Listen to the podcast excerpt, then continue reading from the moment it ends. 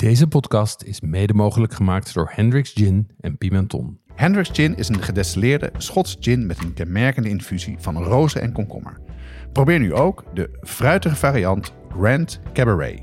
Pimenton is dé webshop voor foodies. Ze hebben meer dan duizend ingrediënten van over de hele wereld die ze snel en voordelig versturen vanuit België.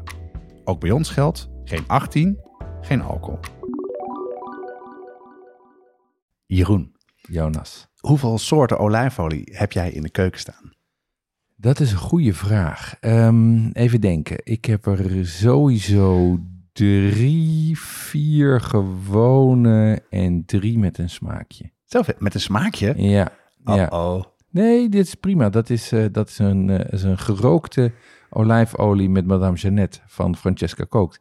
Die is super lekker op sommige dingen, niet op alles. heel goed.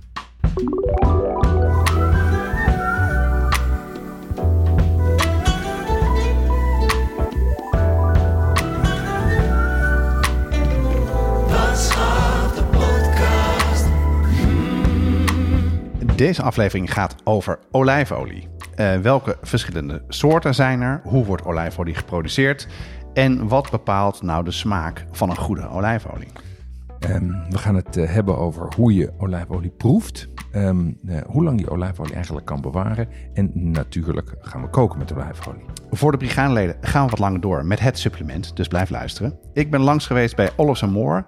Dat is een winkel die olijven en olijfolie importeert. En die hebben mij geholpen met informatie. En ik praat met hun door over olijven. En eerst hebben we een, eh, een drankje. Ja, ja.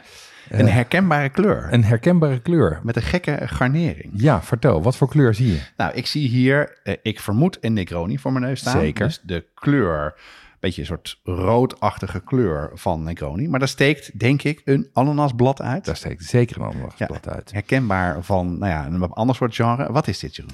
Dit is een, eh, eh, dit is, dit is een, hoe zal ik het zeggen, een monster van Frankenstein van cocktails. Eh, dit is een, veel goed. dit is een tiki Negroni. Een tiki Negroni. Ja, ja, Dat, en dat zijn de enige twee cocktails waar we allebei wel eens een aflevering over hebben gemaakt. Ja. Geheel gewijd daaraan. Dus toen ik dit recept tegenkwam, kon ik het niet laten om die te maken. Ehm, ik zou zeggen, proef hem eerst even. Dan gaan we daarna even hebben over wat erin zit. En dan ga je kijken of de zomer in je bol geslagen is. Dus, Wat ik leuk vind, hij heeft ehm, wel meer geur dan een normale Negroni. ja, Eh, zit daar... ehm, is het met gin of is het met andere sterke het is drank? met rum. Oh ja, dat ruik Ja. ik een beetje. Ik ruik ook een beetje wat, eh, wat meer fruit, Ja, wat er niet in zit. Dus ik ben, heb je dat toegevoegd met siroopjes en dingen? Hoe heb je gemaakt? wat, ik, wat ik heb gedaan is, ik heb, Lekker ehm, zeg. ik heb eh, Jamaicaanse rum genomen. Dus dat is de meest funky rum. Hm? Die heb ik geïnfuseerd met ananas. Oh, echt waar? Ja, en het mooie is dat infuseren, dat doe je gewoon door de ananas schillen erin te gooien. In de rum zelf? In de rum. En laat je gewoon een dagje staan, is klaar. Ehm, ik heb de eh zoeter vermoed geïnfuseerd met banaan. En dat is hetzelfde recept, gewoon bananenschil erin en klaar. Ah, banaan, joh. ja, en de Campari heb ik gevetwashed met kokosolie. Vind ik het heel mooi. Wat is vetwasje? Leg je Ja, uit. eh, eh, vetwasje betekent eigenlijk dat je gewoon dat je het mengt met een vet wat op kamertemperatuur stevig is. Dus dat verwarm je licht, dat kokosvet.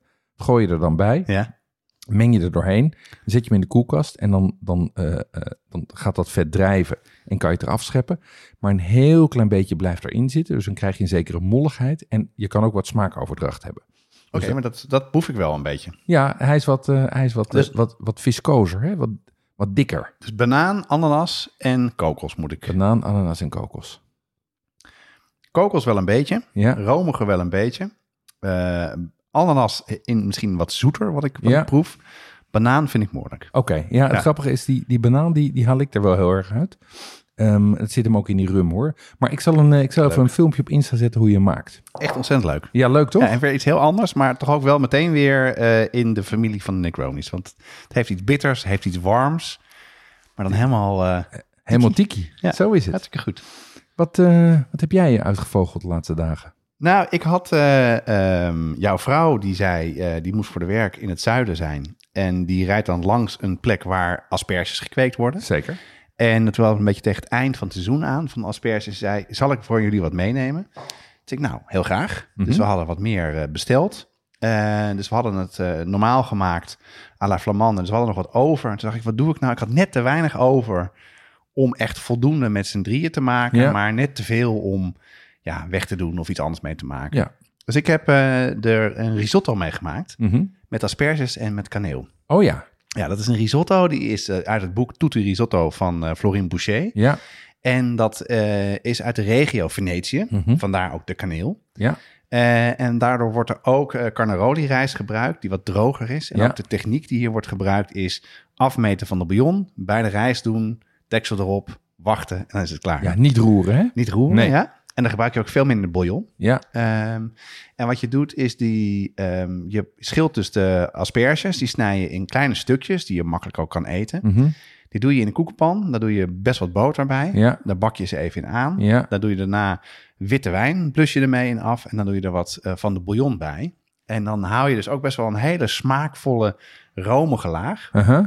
En als de, pas, als de risotto klaar is, doe je dat er doorheen. Nog met, met nog best wat kaas en een klein beetje boter. En daardoor wordt hij super romig van. Dat is heel erg lekker. Mm. Ja.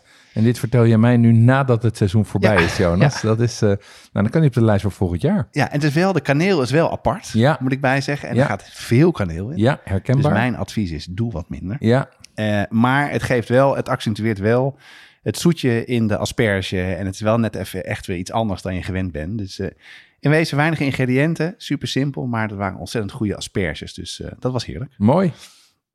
En verder? Ja, en verder ehm, waren we op familieweekend in Frankrijk. Mhm. En reden we langs Gent. En eh, het was een beetje tegen etenstijd.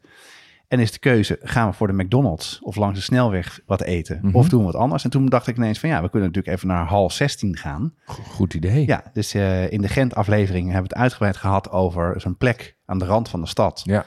Eh, waar biertafels buiten staan en waar ook een reuk is, of een rook. En dat is dan een, een bar waar je dus, eh, waar eh, een flink gebarbecued wordt, waar veel gerookt wordt. En toen zaten we daar, dat had een beetje haast, dus ik bestel. En hadden ze een soort serving platter die je kan delen met elkaar. Ja. Dus met allemaal soorten dingen, vlees en zo. Ik denk, ga ik het doen? Heb ik de tijd? Ik denk, ja, ik heb geen zin in een hamburger. Dus we hadden het gedaan. Binnen vijf minuten op tafel. Echt waar? Ontzettend lekker. Ja? Ja, echt niet normaal lekker. De gerookte dingen, gerookte aardappelpuree die ze er al hadden. Alle soorten stukjes vlees, eh, lekkere saus erbij. Heel veel groenten er ook bij. Dus wij waren echt met grote grijns. En de mensen die met me waren, die hadden, zaten lang te wachten op de hamburgers. Dus eh, die waren een beetje jaloers. Dus dat was er erg aardig. Dus eh, nogmaals, ben je in de buurt van Gent? Ga er zeker naartoe. In de rebound dus. In de rebound, ja. Mooi, mooi, mooi. En jij? Wat heb jij gedaan? Ehm, ja, ik was ook in Noord-Frankrijk. Ehm, daar heb ik champagne gehaald. Maar wat ik ehm, toen niet heb getel- eh, verteld, is dat ik weer eens andouillette heb gegeten. Ja, jij begint alweer te Ja, ik gniffelen. weet, ik, weet, ik weet, volgens mij eh, smaakt het naar poep. Ja, Eh, en het, wat, maar leg even uit wat het is. Ik weet het wel, maar niet helemaal. Ja, is een, eh, is een worst. eh, en de meeste worsten worden, zijn zeg maar een gevulde darm. ja? Ehm, maar hier is de darm gevuld met darm. ja, ja, precies. Dus het is, de vulling is grotendeels darm.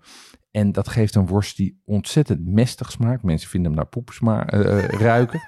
Ehm, en ik heb er een soort van... Die zit voor mij... je kent, je, je- wij kennen elkaar wat langer. Maar voor mij zit die op dat, op dat interessante spectrum tussen walging en, en iets wat heel lekker is. Wat ik soms ook met oesters kan hebben. Vind je het interessant? Ik vind het echt, Ja. echt afschuwelijk. Oh nee, ik vind dat interessant, want dan heb ik dus, dan neem ik één hap en dan vind ik het lekker. En neem ik nog een hap en denk ik, oeh, vind ik dit nog steeds lekker. Ehm, maar als je dat combineert met een goede mosterdsaus om het te dempen. En een goede, eh, eh, goede, eh, een goede rode wijn. Ja, heel veel rode wijn. Precies. Maar het is natuurlijk wel een soort van culinaire SM, weet je. Het is Oh, natuurlijk gewoon een- een pijn die lekker is. Maar ja, ik, had hem, ik heb hem uiteindelijk niet helemaal opgegeten. Dat Nee. moet ik wel toegeven. Ik ben op dat soort momenten, ik moet dan, kan echt wel kokhalsneigingen Ja, krijgen. En ik dan, ook. eh, daar heb ik dan geen lol in om, om die grens op te zoeken. Ja, maar, oké. ja misschien, ben ik, misschien ben ik wel gewoon culinair masochist, eh, Jonas. Dat, eh, Maar verder, heb je nog iets Dat gemaakt? kan. Ja, ehm, wij hadden hier een aantal aan de, aan de groep vrienden over de vloer. Er waar vrij veel vegetariërs bij zaten. En die kwamen. Ik wist ook niet of ze allemaal tegelijk zouden komen. Dus toen heb ik weer eens wat gemaakt uit de Bijbel van de Libanese keuken. Ah, leuk. Van Marijn Tol. En dat was echt een doorslaand succes. En wat heb je gemaakt dan? Ik heb gemaakt een, ehm een aubergine stoof met hele aubergines erin met kikkererwten. Oké. Ehm, die, was, eh, die was erg eh, lekker. Ik heb zelf eh, flatbread gebakken. Leuk. Moeilijk? Ehm, heel makkelijk. Oké, cool. Echt heel makkelijk. Kijk, als je brood, als je brood kan bakken, Ja. dan is dat gewoon de routine. Dan draai je gewoon een, een, een deegje, het laat je even rijzen. Het is met gist, dus het is zo gepiept. En dat rol je uit en bak je in een pan. En dat is gewoon super lekker. dat is echt wel de moeite waard. Verder heb ik eh, natuurlijk labneh gemaakt. Met eh, uitgelekte, uitgelekte zoute yoghurt, zeg maar. Zoute Ja. hangop. Met, ehm met de attar die ik nog had liggen. Ehm, zelf hummus gemaakt. En tenslotte heb ik een, eh, heb ik een salade gemaakt van bietjes, feta en ehm granaatappelsiroop. Erg lekker. Ehm, en natuurlijk een uh, taboulet Ja, daar was ik wel benieuwd naar. Klassieke taboulet. ja. Ja, Bulgur. met bulgur, En precies. wat dan meer? Eh, eh, d- bulgur en peterselie eigenlijk vooral. Ah, ja. Ja. En dan gaat er nog een, een half tomaatje en een half uitje door. Maar eigenlijk is het gewoon vooral peterselie. En veel olie, toch? En veel olie. Ja. Ehm, en, ehm, eh, en daarna nog, eh, nog twee ehm, zeebaarsjes geroosterd. Dat Maar klinkt gewoon- goed, man. Dus even Ja. mensen ook gewoon een door de weekse maaltijd. Dat was een, dat was een, ja, nou, dat viel me dus reuze mee. Want Ah, omdat, je, het, omdat je het allemaal van tevoren kan maken Ja. en het gewoon koud is, heb je, kan je op je, als je op tijd begint, kan je gewoon op gemakje koken. Dat is waar, ja. Heb je het allemaal klaarstaan, hoef je het alleen maar op tafel te zetten. Kan je er zelf bij gaan zitten. Ja. Dus eh was groot succes. Leuk. Klinkt heel goed. Dus eh, aanrader, de Ja. Bijbel van de Libanese keuken. Dat was het sowieso al, maar eh, ik vond, ben er nu nog verliefder op geworden.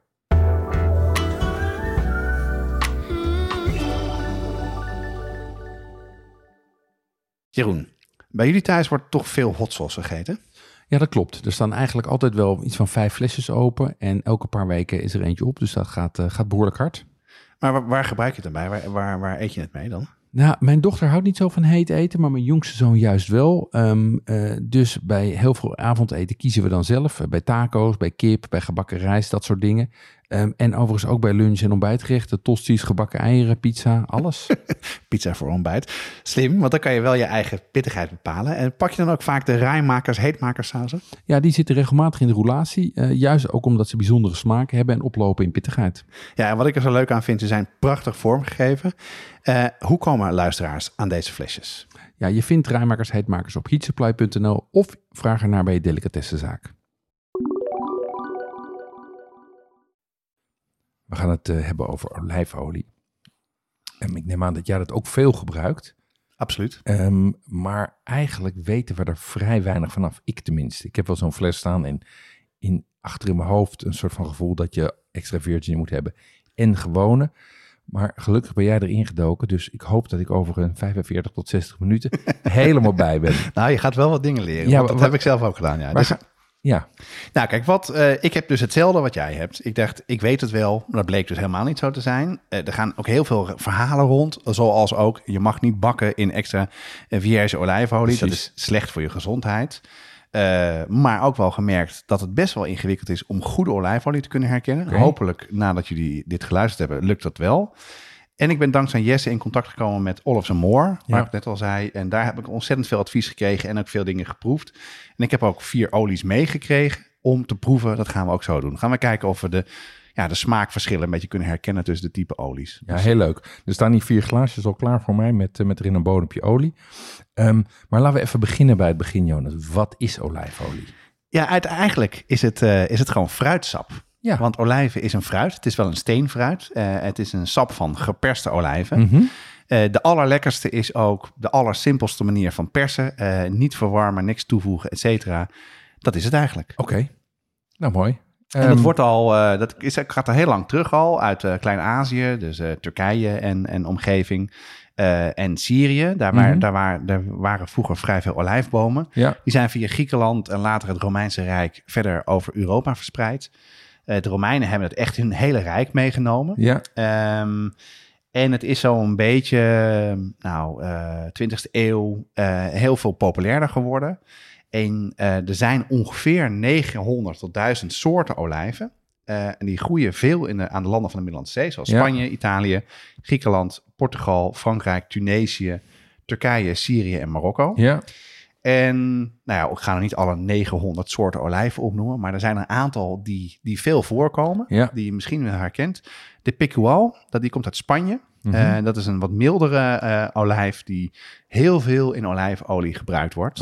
Eh, volgens mij zelfs een derde van olijfolie is met deze olijf. Dat is het werkpaard van de olijfolie-industrie. Zeker. Ja, Ja, dan heb je de Arbequina, die komt ook uit Spanje. Dat is een wat kleinere olijf en die maakt hele lekkere, ook milde olijfolie. ja, ja, die ken ik qua naam. Ja, en dan heb je in Pug- Puglia in Italië worden heel veel olijven verbouwd. Er zijn heel veel olijfbomen ook. En daarvan is de Coratina een hele populaire. Eh, je hebt in Sicilië, wordt ook veel gemaakt. Dan heb je Nocellara del Belice, is eentje die heel veel voorkomt. Een hele goede olijfolies. Je hebt natuurlijk Griekenland, dat is de Korneneki. Mhm. Eh, en dan heb je rondom, in de Provence, rondom Nyons, heb je de Tange olijf.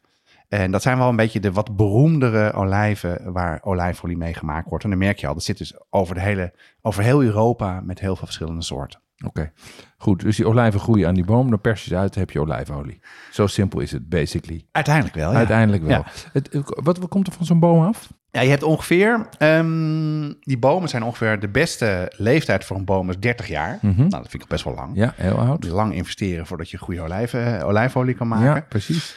Ehm, er zit ongeveer 5 tot 10 kilo olijven aan. Aan één boom. Aan één boom. Ja. Is die ouder, zijn er minder. Is die 30 jaar, is die echt best wel, eh, wel goed. En daar eh, maak je ongeveer 1 tot 2 liter olijfolie van. No shit. Dus Ja. één boom, één liter. Ja, Oké, ja. Oké, of twee liter. Maar dat, dat verklaart die kost ook een beetje. Exact, ja. Want eh, het liefste wil je dat ze met de hand geplukt worden. Ja. Ehm, en dat is, eh, dat is een beetje hoe, hoe het zit. En die bomen die groeien dus vaak op plekken waar weinig water is. Ze hebben hele diepe wortelen Ja. die heel diep naar beneden gaan.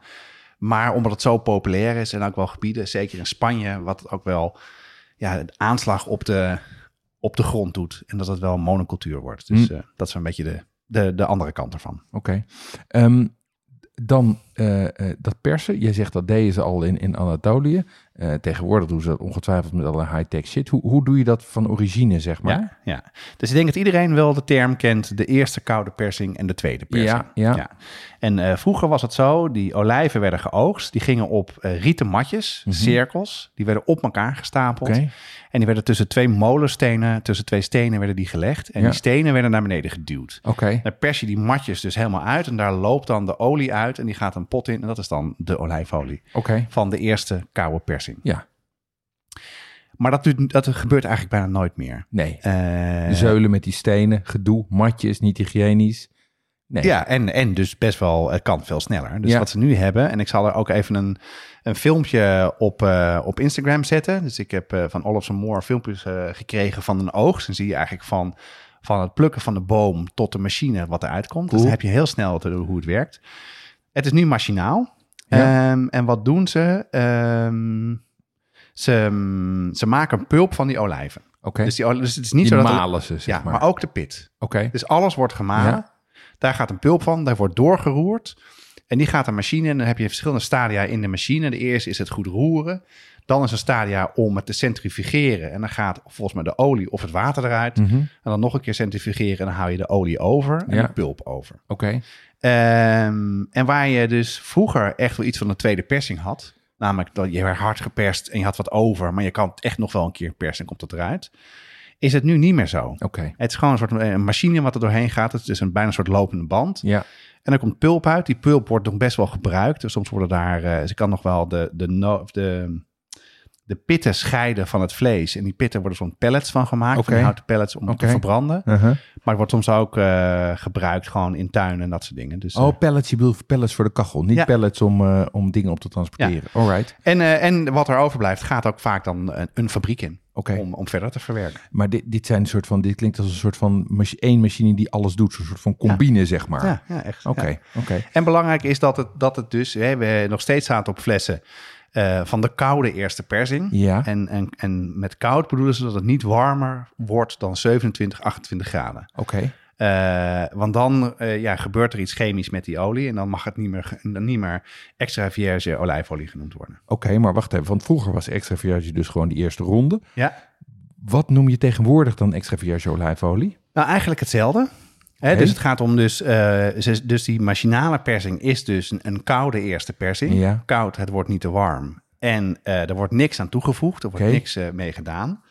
Ehm, dan heb je eigenlijk twee soorten. Je hebt ja eh vierge olijfolie en je hebt extra vierge olijfolie. Oké. En eh, het verschil zit hem in de zuurgraad. Hè, dus de, de, de, zuur- de, de olie wordt ehm, eh, chemisch getest. Ja. Hè, wordt, en er wordt gekeken van als de zuurgraad onder 0,8% is, Ja. dan mag het extra vierge zijn. Oké. Is die tussen de 1 en 3%, dan mag het vierge olijfolie zijn. Oké, dus minder zuur is beter. Ja. Ja. En het helder. tweede ding wat er gebeurt, is dat, er, eh, dat, het, dat het getest moet worden. Ja. Eh, en een testpanel die kijkt ernaar. Er, moeten er, zit er geen, geen, zit er geen spul in. Eh, is de smaak lekker? En als een testpanel hem afkeurt, mag het ook geen extra vierge olijfolie meer zijn. Oké, goed. Dat begrijp ik. Dus we hebben, die- we hebben, we hebben geperst en hebben dat deel wat minst zuur is, dat, dat is vierge. Dan hebben we het een stuk wat iets zuurder is, dat is... ehm, eh, eh, nee, sorry. Het stuk wat bijna niet zuur is, is extra vierge of Ja. extra virgine. Daarna krijg je virgine, maar dan hou je nog een hele hoop rest over. Ja, ja. Wat doen ze daarmee? Nou, dat gaat allemaal. eh, kijk, het is of de olie is afgekeurd. Hij heeft meer dan eh 3% zuurgraad. Ja. Eh, of het is de pulp. ja, En dan gaat het naar de fabriek. Ja. En dan wordt het geraffineerd. Mhm. Zoals ook olie geraffineerd wordt. Het wordt verwarmd, verhit en weer gekoeld. Of het wordt chemisch bewerkt. Om uiteindelijk die zuurgraad te verminderen. En daar komt er dan weer olie uit. En die smaakt vrij weinig Ja. naar olijfolie meer. En dat is dan, eh, daar wordt dan weer verder olijfolie van meegemaakt. Maar eh, eten we dat ook nog? Of wordt dit inmiddels gebruikt om eh, fietskettingen te smeren en ja, zo? nou, je hebt dus, om het even plat te slaan, je hebt vier soorten benamingen. Je extra vergine, vergine of vierge. Ja. Het is een beetje hoe je het noemt. Ehm, dan heb je olijfolie of eh, je hebt pure olijfolie. En dat is vaak geraffineerde olijfolie met een beetje extra vierge olijfolie erdoorheen. Ja, Dat staat ook op de fles. ja, ja, oké.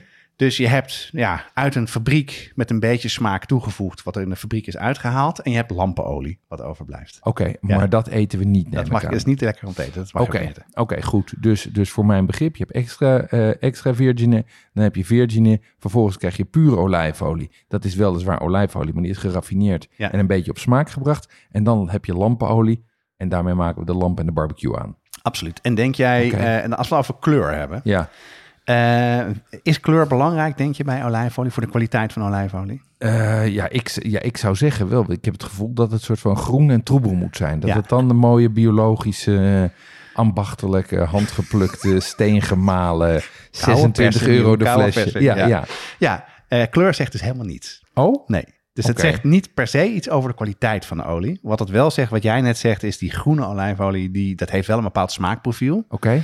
Eh, maar wat gebeurt er ook vaak met de pure olijfolie of olijfolie uit de fabriek? Daar wordt kleurstof aan toegevoegd. Omdat men eh, groene olijfolie, precies wat jij zegt, Ja. associeert met kwaliteit. Kijk, Dus als jij iets koopt met wat pure olijfolie is, het ziet er mooi groen uit, zou ik zeggen run Forest run. oh, het is, ik krijg echt weer allemaal honingflashbacks en zo. We worden weer aan alle kanten besodemieterd. Absoluut, Ehm, ja. Even, eh, ik neem aan dat er nog wel meer speelt. Laat ik zeggen, de kwaliteit van die olijven is natuurlijk belangrijk. Zitten er in dat productieproces nog dingen die ervoor zorgen dat dat... We kijken natuurlijk vooral, neem ik aan, naar dat, naar dat kopje, naar die extra virgin, extra virgin en de virgine. Z- zijn daar nog dingen die van belang zijn voor de smaak? Jazeker, zeker. We hadden het al net over de zuurgraad. Ja, Dus de essentie is dat je de zuurgraad zo laag mogelijk wil houden en dat die puur en, en mooi is. ja, Dat heeft ook te maken met hoe je oogst. ja. En dus als jij machinaal oogst en er gaat heel veel troep mee, en dan Ja. gaat ook de pers in, ja, dan gaat er ook gras mee, en dan gaan er ook kruiden mee, et cetera. Ja, net als bij druiven, dan gaan er takjes mee. Ja, Dat zie je, dat komt er dus in. Dat ga je zien, dat ga je ook proeven.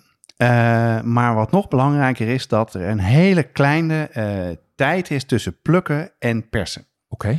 En men zegt dat het zelfs binnen 12 uur tot maximaal 20 uur moet dat gebeuren.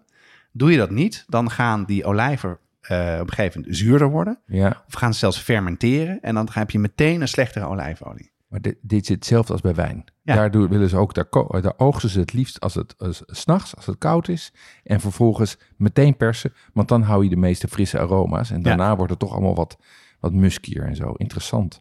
Ehm, dus, dus je hebt dat het, dat het moment van oogst van belang is, het soort olijven. Ehm, wat, wat, eh, wat beïnvloedt die smaak nog meer? Nou, wa- wat jij net zei, de vergelijking met wijn, terroir. Ja, Eh, je hebt olijven in een gebied waar die veel voorkomen.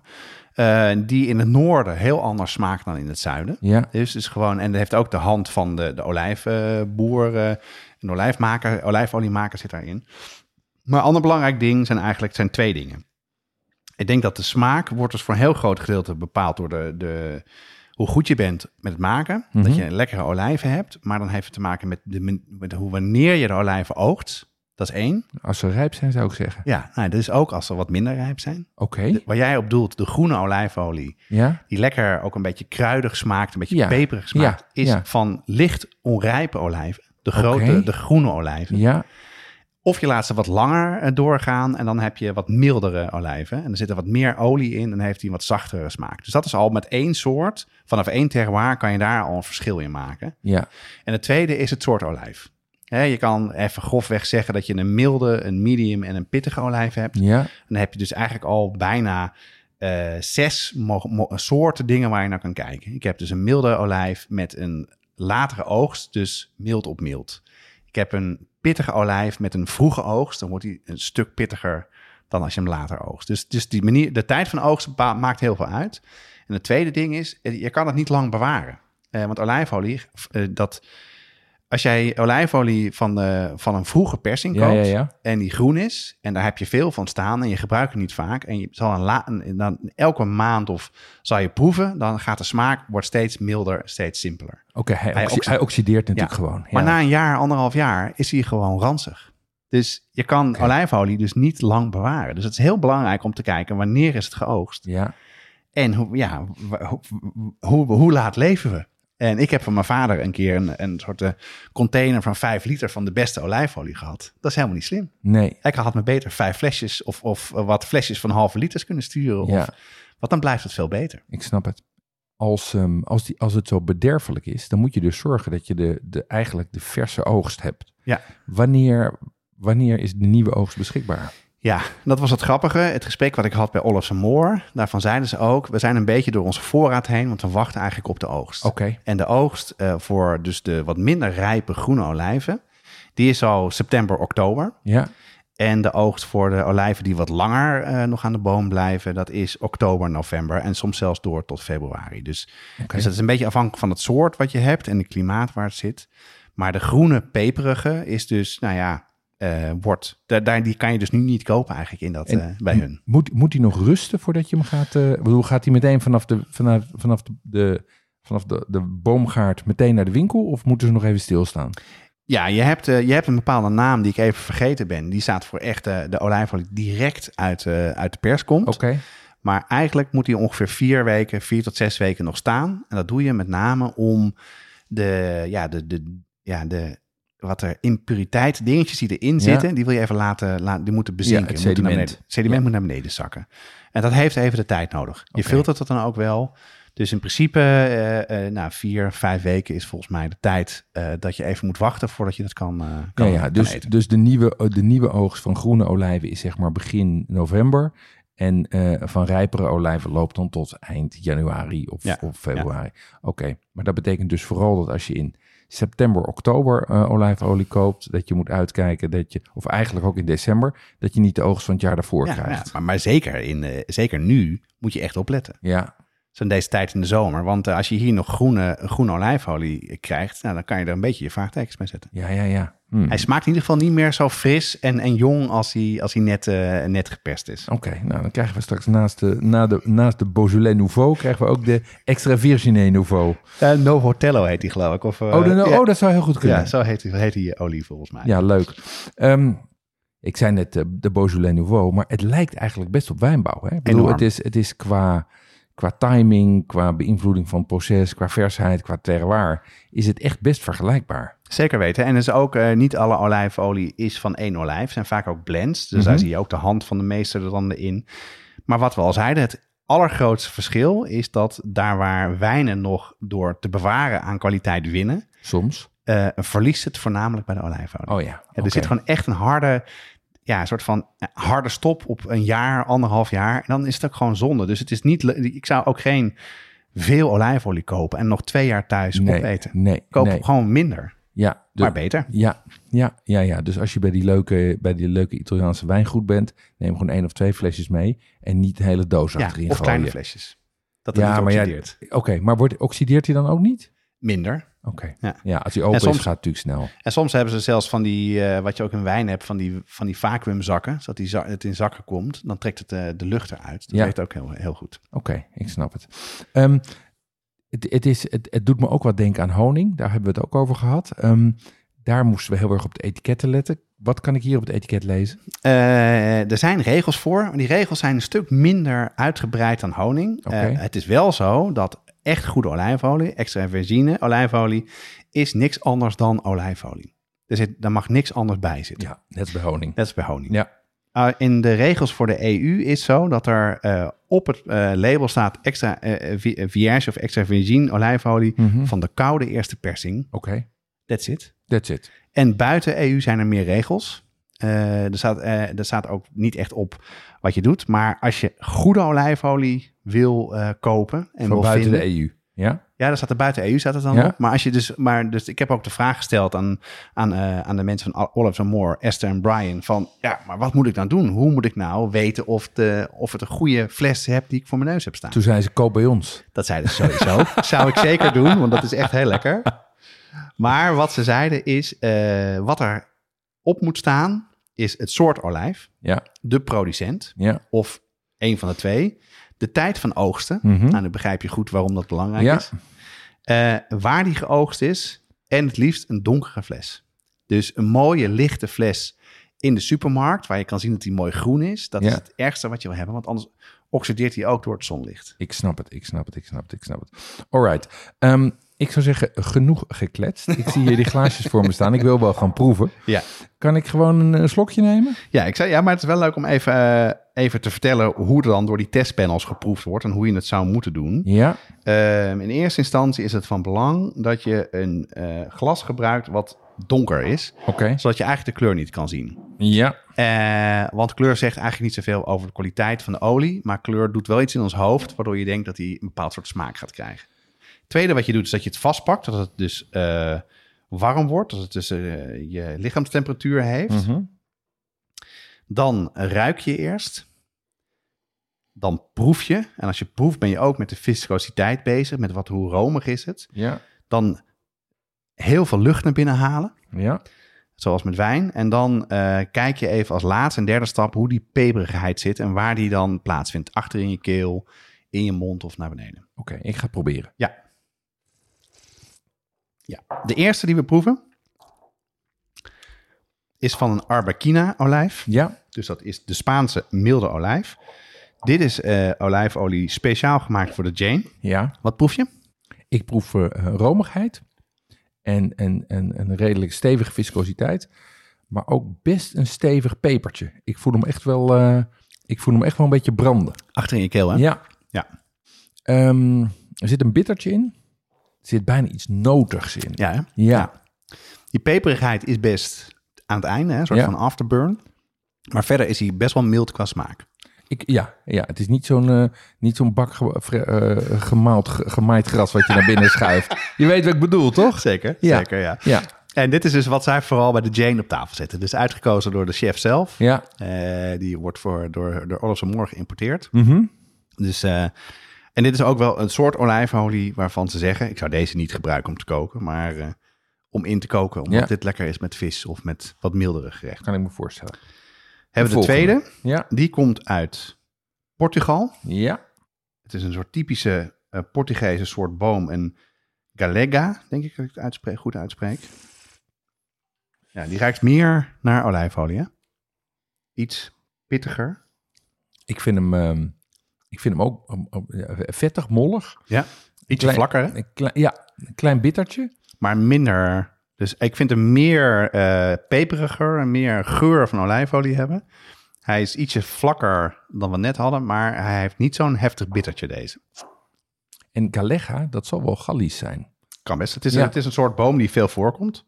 En wat, eh, wat Esther mij tipte, dat hij lekker is over een tomatensalade of als dip bij brood. Oh ja, En, eh, of lekkere groenten. Nou, dat, dat zie ik helemaal voor me. Het is Ja. een beetje een soort van een beetje op de achtergrond. Het neemt niet meteen het over. nee, Maar het is subtiel. ja. Dan gaan we naar Italië. Ja, Nummer drie. Uit Sardinië is dit. Nee, sorry. Dit is uit Molise. Nou ja. Zo. Die komt echt helemaal achterin. die is eh, stevig, ja. Die is pittig aan het einde, maar niet, niet heel pittig. Ja, ik, ik, vind, ik vind hem redelijk pittig. Ehm, eh, en ik vind hem, ehm, eh, hij is ook wat bitterder. Maar ik moet wel zeggen, van als, we, als ik blind had geproefd, Wat is Italiaans? Had ik deze wel eruit gekozen. Ja, eens. eens. Wat kruidiger, wat pittiger. Ja, Flinke geur. Ja. Dan de laatste. Die komt uit Sardinië, ook uit Italië. ja, Dit is een blend. Ja, heel andere geur, hè? ja. Ik vind hem, eh, ehm, ik vind hem lekker. Eh, en hij is, hij is wat groener. Ehm, en hij heeft, ook weer, hij heeft ook weer dat bittertje. Ehm, ja, ik vind ze allemaal lekker. Ja, hè? Ja, Ja. En dat is een beetje de truc, waar, waar de les die ik wel al voor mezelf getrokken heb, dat, het dus, dat dit dus heel belangrijk is. Dat je dus echt gaat proeven en voor jezelf echt gaat bepalen, oké, eh, voor welk soort gerecht is wat handig. Weet je, dit lijkt me heel lekker in een tomatensaus. Als je een klassieke sugo maakt, dan, eh, ja, dan heb je al een beetje een pepertje en een pit van, eh, van de olijfolie erbij. Dat geeft heel veel smaak al Ja. aan. eh, of een panzanella, ja. waar de olijfolie echt de bepalende smaak is, onder andere. ja maar ik, ik kan hem ook wel op een gegrilde bistecca Fiorentina kan ik hem ook wel zien. Zeker Met weten. een beetje zout. En Ja. hoewel die, die derde zou ik dan ook lekker vinden, denk ik. Die Ja. met dat, die nog een beetje dat kruidige had, zeg maar. Ja. Ja. grappig hoe verschillend ehm, dat mondgevoel is, hè? Ja, dat De mondgevoel. romigheid. Ja, die romigheid is heel verschillend. Die, die, dat pittertje is eh, verschillend. Die pepers zijn allemaal... eh, ja, nee, leuk. En mocht je dit leuk vinden, wil je het zelf ook weten? Nou, zoek naar een winkel op, ga of naar Olles Moor of naar een andere. Maar wel waar je even de tijd hebt om even te proeven. Eh, en wat ze soms ook wel, wel doen, is dat ze het op je hand leggen. Ja, En dat begrijp ik nu wel goed, want dan wordt hij snel kamertemperatuur. ja. Maar dan zou ik dus ook even goed ruiken, voordat je meteen gaat proeven. Ja dat, dat is natuurlijk als je de, eh, de tijd hebt om naar een luxe winkel te gaan. Als ik gewoon in de supermarkt eh, sta, wat moet ik dan pakken, Jonas?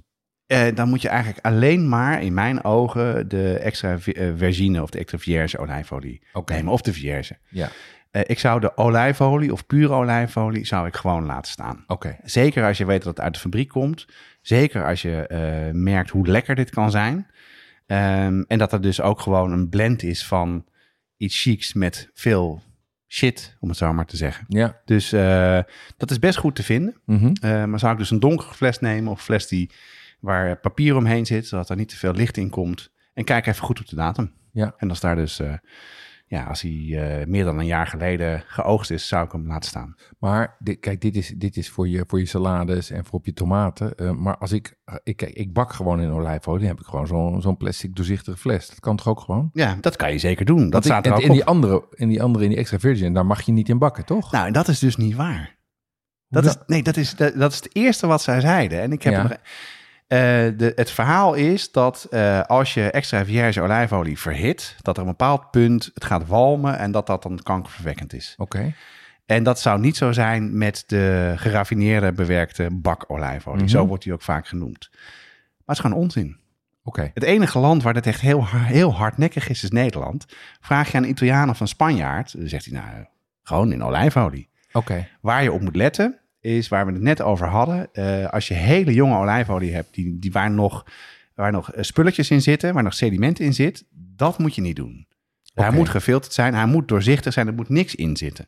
Oké. Dus eh, bij de boer halen, net van de pers, dan zou ik er niet in bakken. Oké. En voor de rest is het juist heel erg lekker om in te bakken, omdat het gewoon heel veel smaak heeft. Je voegt veel meer smaak aan je gerecht toe door die olie te kiezen. Oké. Dus bakolie is niet nodig. is gewoon onzin, Oké. Wat mij betreft. Ehm, jij noemde net al even gezondheid. Daar, je weet hoe, eh, hoe dol ik daarop ben. Ehm, eh, eh, ik ga de vraag toch stellen. Is olijfolie gezond? Maar er is algemeen wordt er aangenomen en ook wel uit onderzoek. ik heb het onderzoek niet gelezen, maar ik heb het wel naar zien verwijzen. Is dat het van de olies een van de meest gezonde olie is, Ja. olies is.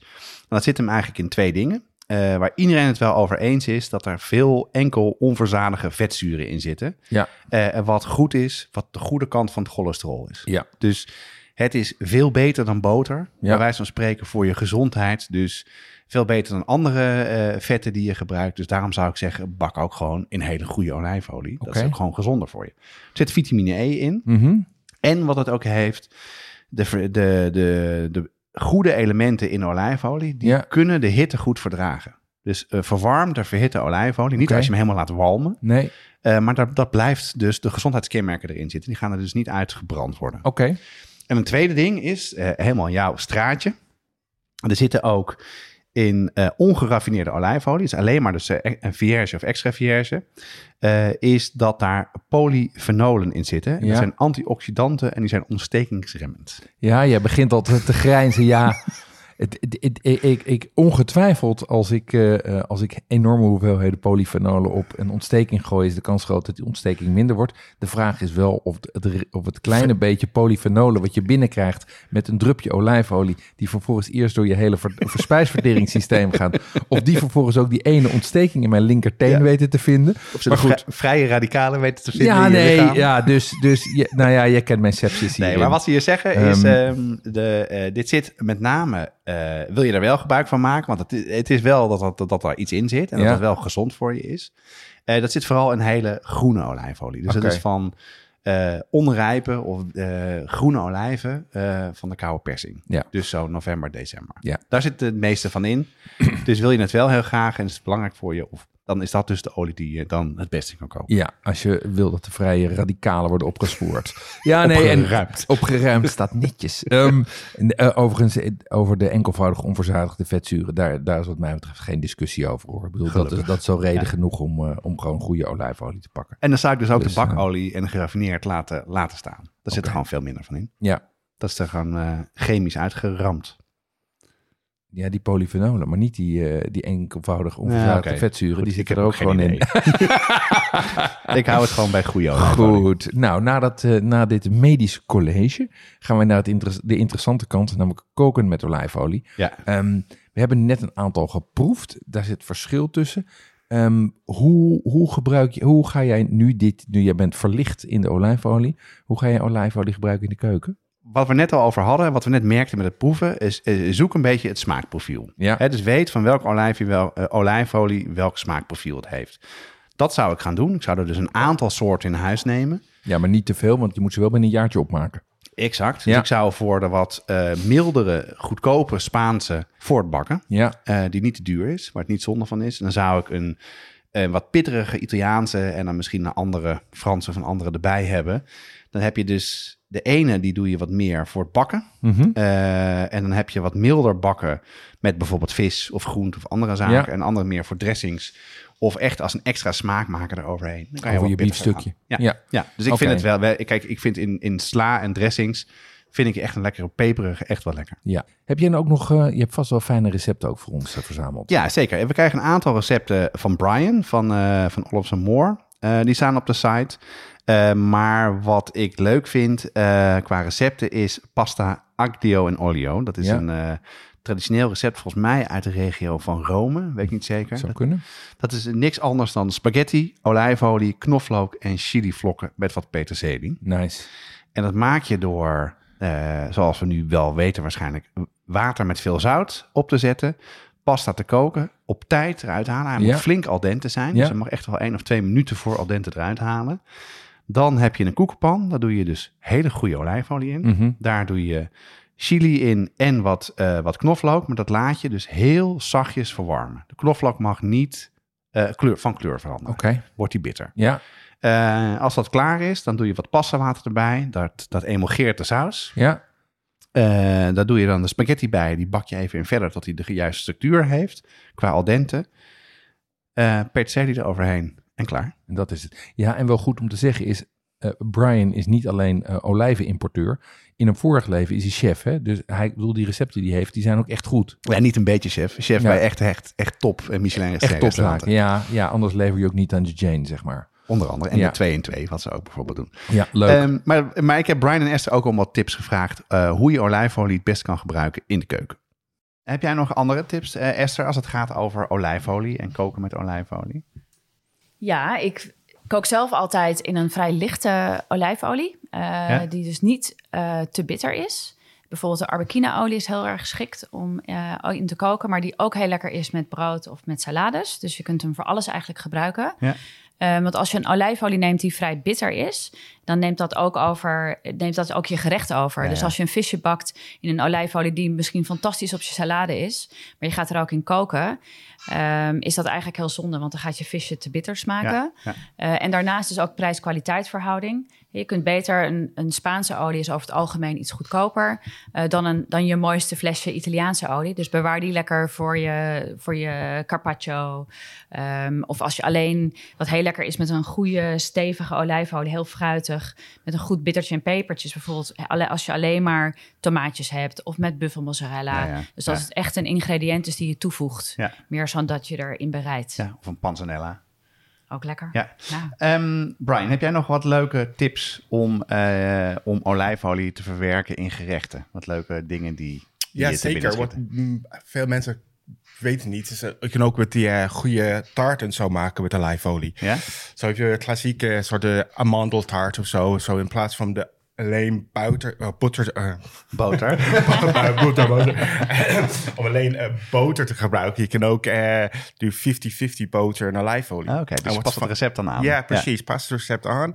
En wat fijn met die eh olijfolie geeft een hele fijne crumble. En de, hele, en de, en de taart blijft iets langer, verser en meer, ja, Moist. moist. Ja. Ja, ja, Precies. dus vocht, het vocht. Vochtig. Blijft ja. binnen een beetje Ja, ja. meer dan de, van, de, van de boter. En dat is, eh, het is heel fijn om te, een beetje experimenteren met je bak, ja, om, om, om te bakken. Ja. Om- Hey, en als je dan bijvoorbeeld ehm, eh, echt hele heftige Italiaanse, Toscaanse olijfolie neemt, wat, wat kan je daar lekker mee doen bijvoorbeeld? Ja, het is fantastisch met warm gerechten. Zoals eh, de, de, de klassieke Toscaanse biefstuk of zo. is echt fantastisch. Biefstuk Florentine. Ja. Van de barbecue, which is nu fijn met de, op deze tijd met de warm weer en zo. Een lekker stukje vlees. Heel snel op de barbecue. Zeezout. Toscaanse olijfolie. En het is echt fantastisch. Ja. Het is En wat voegt eh, dat toe dan, eh, de olijfolie? dus de, de, de, heel veel Toscaanse olijfolie zijn een beetje peperig. Met Ja, een ja. zwaarte pepersmaak is wel, Ja. which is heel fijn. En door dat smaak en met de interactie met de, de warm vlees en de zeezout, het is echt, eh, eh, eh, het is echt een super fijn En experience. doordat het warm wordt, wordt gaat het natuurlijk meer geuren, krijg je meer smaak. komt uit, smaak komt uit. En eh, ook de interactie met al die verschillende kleine dingen van de, van de biefstuk en zo is echt fantastisch. En ook met ehm gerechten met champignons is ook heel fijn. Niet per se eh, Toscaans, maar just de gebakken champignons. En eh, ze zijn warm. En dan een klein beetje olijfolie over. Ze Puglia of zo is echt eh, ook fantastisch. Ja, ja, ja. En daar gaat wel voor de aardse smaak van de champignons. De verse smaak van die eh, olijfolie.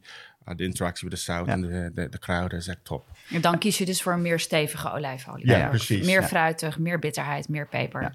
Heb je nog een ander gerecht waar, waar, waar je olijfolie in kan gebruiken wat mensen niet zouden verwachten?